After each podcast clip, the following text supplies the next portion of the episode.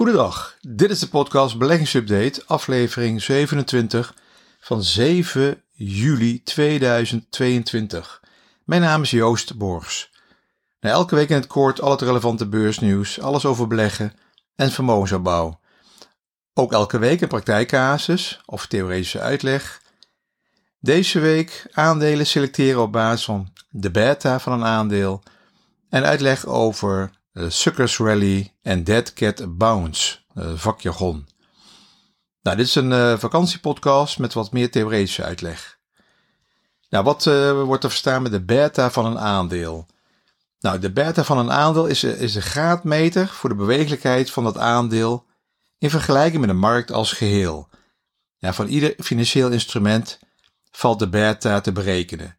Dus niet alleen van een aandeel, maar ook van een beleggingsfonds, je eigen portefeuille, goud of een ander beursgenoteerd product. Nou, wat is dat precies? Het rendement van een aandeel met een beta groter dan 1 stijgt of daalt meer dan de stijging of daling van de aandelenbeurs. Het rendement van een aandeel met een beta kleiner dan 1 stijgt of daalt minder dan de stijging of daling van de markt in zijn geheel. Dus stelt een aandeel een beta heet van 1,5 en de beurs stijgt 1%, de index AX, dan stijgt het aandeel, zou moeten stijgen, 1,5%. Nou, dat is ongeveer wat de beta een beetje inhoudt. En je kan het ook voor een portefeuille berekenen. Een portefeuille is, is het totaal van aandelen, obligaties. Je hele portefeuille kan je ook een beta berekenen. Dus dan uh, kan je je portefeuille afzetten naar de totale beurs. Ja, voor de berekening van die beta voor een aandeelportefeuille wordt vaak een, een uh, aandelenindex gebruikt. Zoals de AEX of de S&P 500. Ja, dus een benchmark moet ergens wel tegen, uh, tegenover afzetten. Hè? Dus tegen, tegenover een benchmark. De beweging van het individuele aandeel wordt hier tegen afgezet voor de berekening van die beta. Bij beleggingsfondsen wordt, uh, wordt voor de berekening van de beta uh, de benchmark gebruikt. Je kan beleggingsfondsen ook vergelijken met een bepaald bepaalde referentiepunt. Dit kan een aandelenindex zijn die correspondeert met het beleggingsdoel of een beleggingsuniversum van dat beleggingsfonds. Voor obligaties geldt hetzelfde. de beta is een maatstaf die op basis van historisch koersverloop een voorspellende waarde heeft voor de te verwachten volatiliteit, bewegelijkheid van dat instrument. Daarmee kan je mede beoordelen of een aandeel past bij jouw risicobereidheid. Ook kan je de beta gebruiken om te beoordelen in welke mate je gehele portefeuille reageert ten opzichte van de markt. Gebruik die beta nooit als enige indicator. De maatstaf kijkt, uh, kijkt alleen naar het verleden en de prijsvolatiliteit uit het verleden is wel een matige voorspeller voor de toekomst. En wat kan je hiermee uh, allemaal mee doen? Bijvoorbeeld, als je de stijging van die beurs, wat ik al net zei, verwacht, dan koop je aandelen. Als je een stijging van de AX bijvoorbeeld verwacht, dan koop je aandelen waar, waarvan die, de beta flink hoger is dan 1. Verwacht je een daling en je wilt toch belegd blijven, dan koop je dus aandelen met een lage beta. Beta-berekening kan je op verschillende beleggingssites terugvinden als je gaat googlen. Je kan ook bij het Financieel Dagblad, eh, de online versie, kan je de beta's terugvinden. Nou, binnen de AX, aandelen met lage beta's zijn eigenlijk defensieve aandelen. Uh, Unilever 0,5, uh, Ahold 0,35, Kluwer 0,5, Heineken 0,8. dat zijn eigenlijk dus de defensieve aandelen. Aandelen met een hoge beta dat zijn vaak ook cyclische aandelen. Hè. Arcelor, hè, staal. 1,6. ASMI 1,9. ASMI heeft de hoogste beta van de, de AX. ING is ook hoog, 1,7. Eh, Fluctueert, kan behoorlijk fluctueren. Egon 1,65. Nou, veel zitten, de rest kan er allemaal zo een beetje tussenin zitten. Nou, dat zijn dus eh, dat zijn die beta-cijfers die je kan gebruiken als je zegt van nou, ik wil aandelen hebben die behoorlijk uh, fluctueren als de aandelenmarkt uh, omhoog gaan bijvoorbeeld. Dat geeft geen zekerheid, maar je weet maar nooit. Nou, nu de beurzen dit jaar in zwaar weer zitten, is goed om te kijken wat de vermogensbeheerder presteert ten opzichte van een referentiepunt of de afspraak die je gemaakt hebt met die vermogensbeheerder. Of een index, waar, eh, dit wordt dan de benchmark genoemd.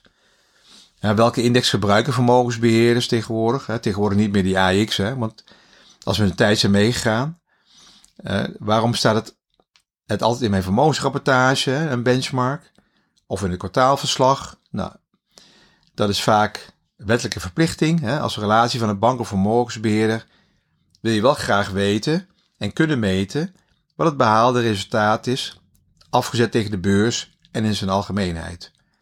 Nou, waar betaal ik ze voor? Het publiceren van die benchmark in het kwartaalverslag door uh, vermogensbeheerders of de banken is dus een wettelijk, ook een wettelijke vereiste. En een benchmark wordt in vermogensbeheer gebruikt om de prestatie van de vermogensbeheerder af te meten aan een bepaalde objectieve maatstaf. Er zijn echt heel veel verschillende indexen die je zou kunnen gebruiken. Ja, de keuze voor zo'n benchmark maakt onderdeel uit van het beleggingsmandaat, de verzameling van afspraken omtrent de wijze waarop een beheerder het vermogen zal beleggen.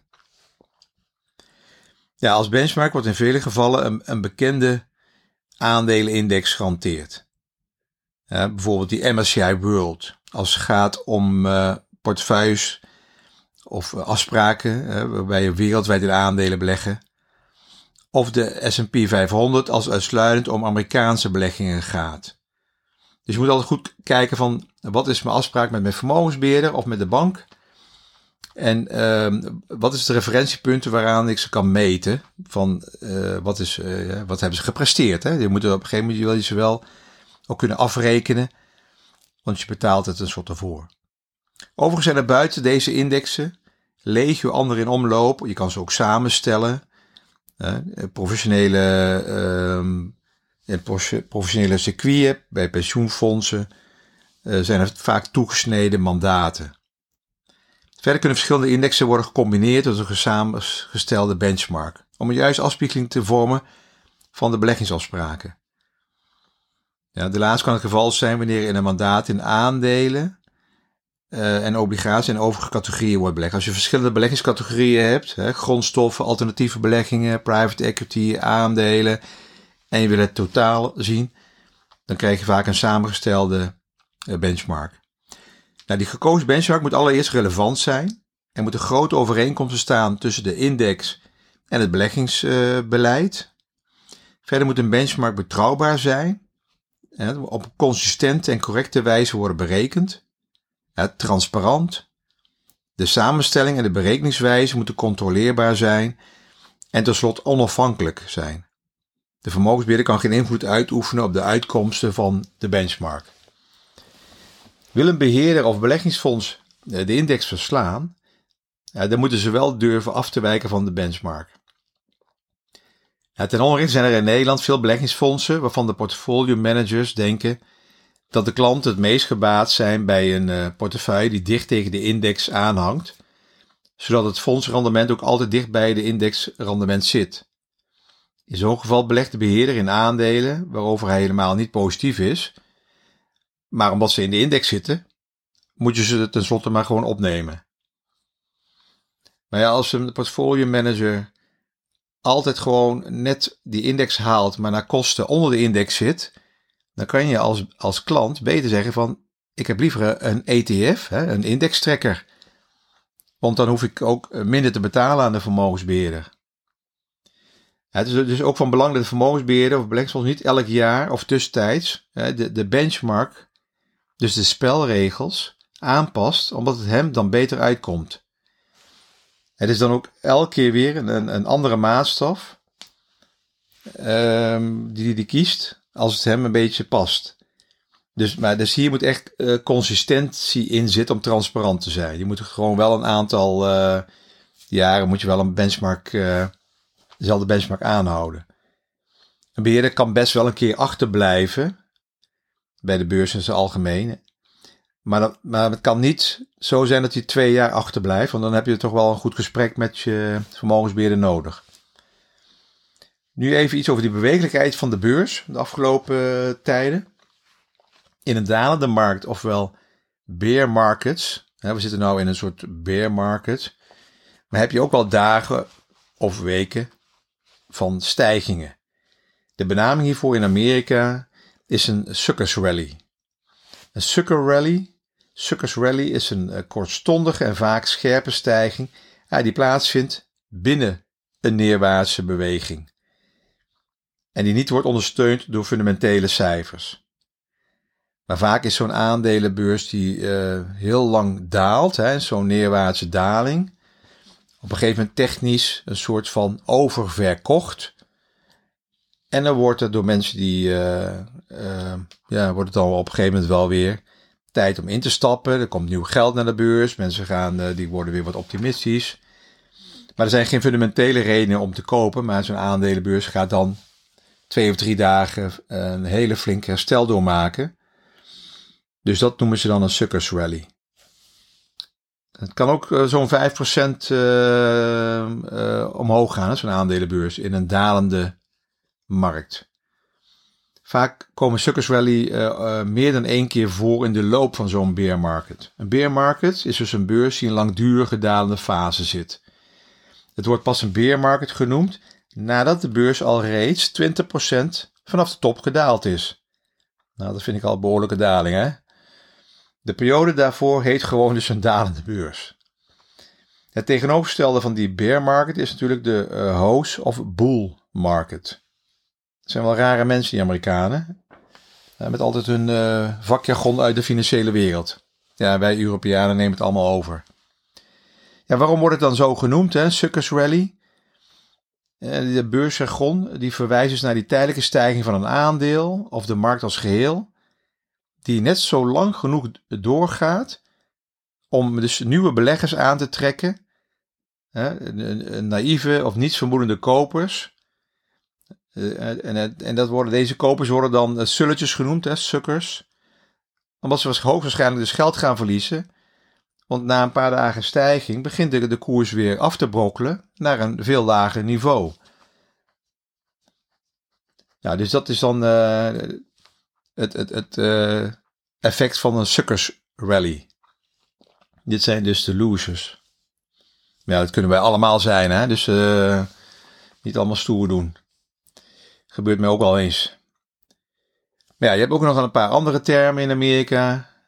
Amerikanen zijn heel uh, creatief met termen. De dead cat bounce, de dode kat stijging.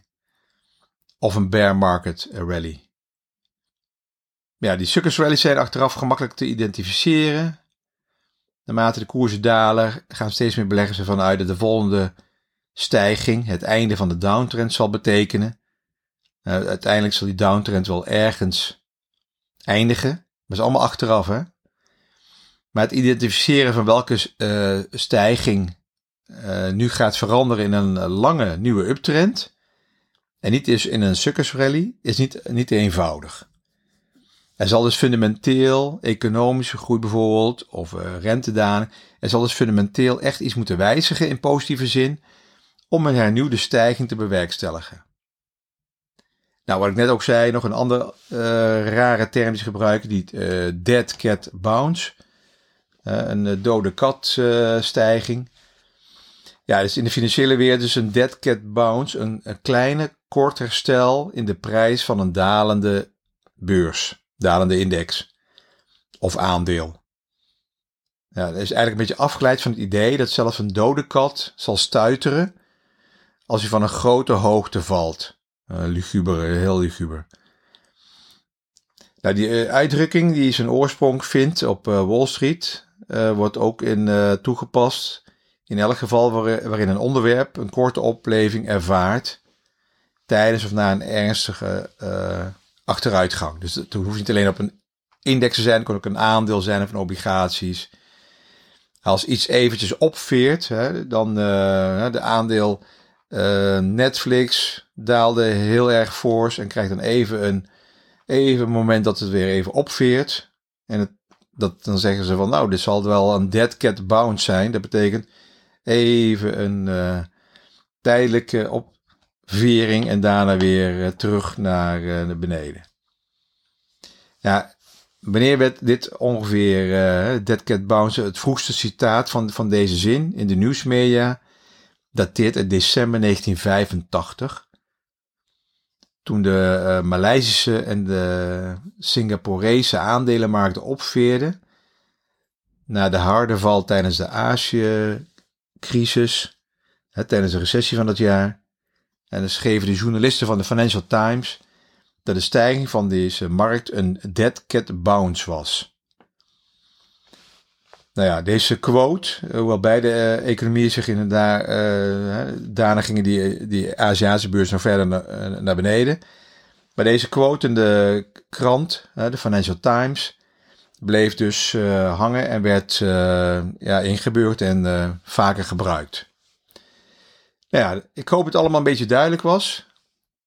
Ehm, dat was weer uh, wat praktische uitleg over beurstermen die de Amerikanen al vaak gebruiken. En die zie je ook wel eens terug in de Nederlandse kranten.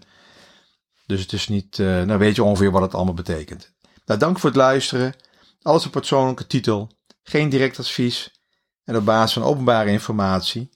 Prettige vakantie en uh, tot de volgende week.